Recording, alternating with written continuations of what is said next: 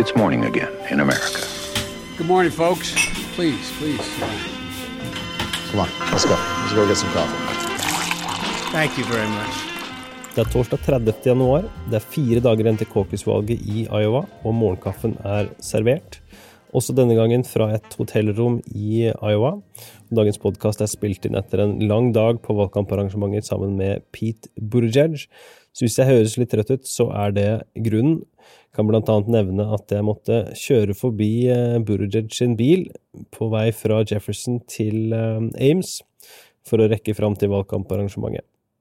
Dagens hovedsak det er et åpent kappløp eh, før caucus-valget her i Iowa kom flere nye meningsmålinger i går, annet en fra Monmouth University, som putter Joe Biden på topp med 23% etterfulgt av Sanders på 21 Burjaj på 16, Warren på 15 og Klobuchar på 10. Det rapporteres i samme måling at kun 47% av velgerne sier at de virkelig har bestemt seg, mot 45% som sier at de er åpne for å bytte kandidat på selve valgkvelden. Målingen er også sett på velgernes andrevalg, som vil kunne ha stor betydning for utfallet i Iowa. Dersom man ser på første- og andrevalget sammenlagt, så er følgende tall estimert. Biden på 39, Warren på 34, Sanders 32, Buttigieg 29 og Klobuchar på 22. I en annen måling fra Civics og Iowa State University så er det Sanders som troner øverst med 23 På andreplass ligger Warren med 19, etterfulgt av Buttigieg på 17 og Biden på en fjerdeplass med 15. Klobuchar får her 11, hvilket utgjør en sterk økning på heller 7 prosentpoeng fra midten av desember. Til tross for ulike tall og variasjoner mellom disse meningsmålingene, så er det fortsatt de samme fire kandidatene som holder seg på topp i Iowa.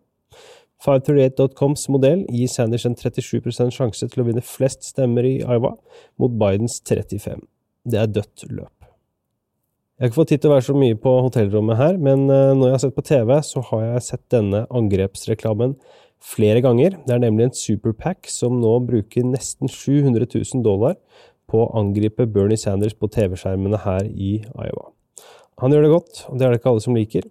Det her er da DMFI Pack, Democratic Majority for Israel, som da har betalt for en 30 sekunders TV-reklame der de angriper Sanders.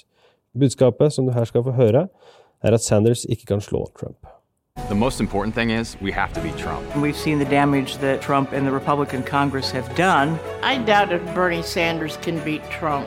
I like Bernie. I think he has great ideas. But Michigan, Pennsylvania, Iowa, they're just not going to vote for a socialist. I do have some concerns about Bernie Sanders' health, considering the fact that he did have a heart attack. I think it's very important that the Democrats nominate somebody that can beat Trump.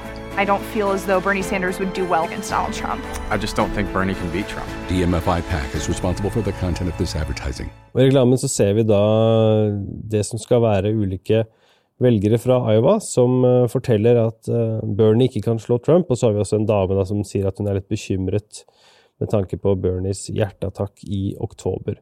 Så en uh, skikkelig angrepsreklame som pumpes ut på TV-skjermene her.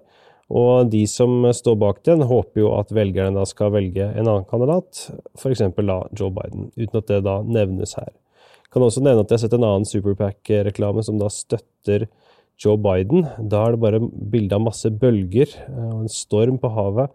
Og Biden er da mannen som skal uh, ta USA til havn igjen etter, en, etter noen år med Trump ved roret. I know how to make government work. I've worked across the aisle to reach consensus. Mens flere har reagert sterkt på denne nevnte angrepsreklamen mot Sanders, så reagerer Trump nokså sterkt på John Bolton og det han har å si om dagen.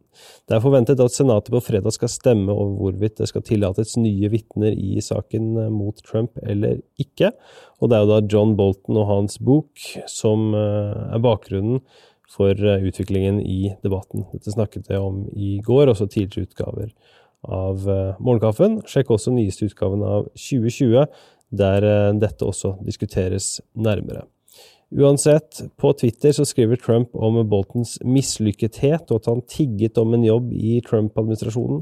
Han skriver videre at USA ville vært i sjette verdenskrig dersom han hadde hørt på Boltons anbefalinger. Og til slutt så stiller også Trump spørsmål ved hvorfor Bolton ikke tidligere har uttalt seg om saken.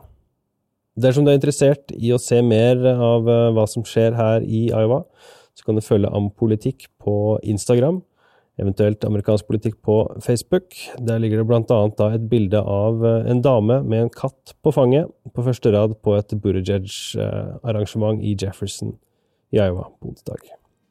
Dagens utgave av Morgenkaffen er servert av Ingrid Sofie Stangeby Wendsel og undertegnede Are Togflaten. Du abonnerer ved å gå til ampoll.no kaffen. Dersom du ønsker å høre mer fra Iowa, så tar du turen til patron.com ampol.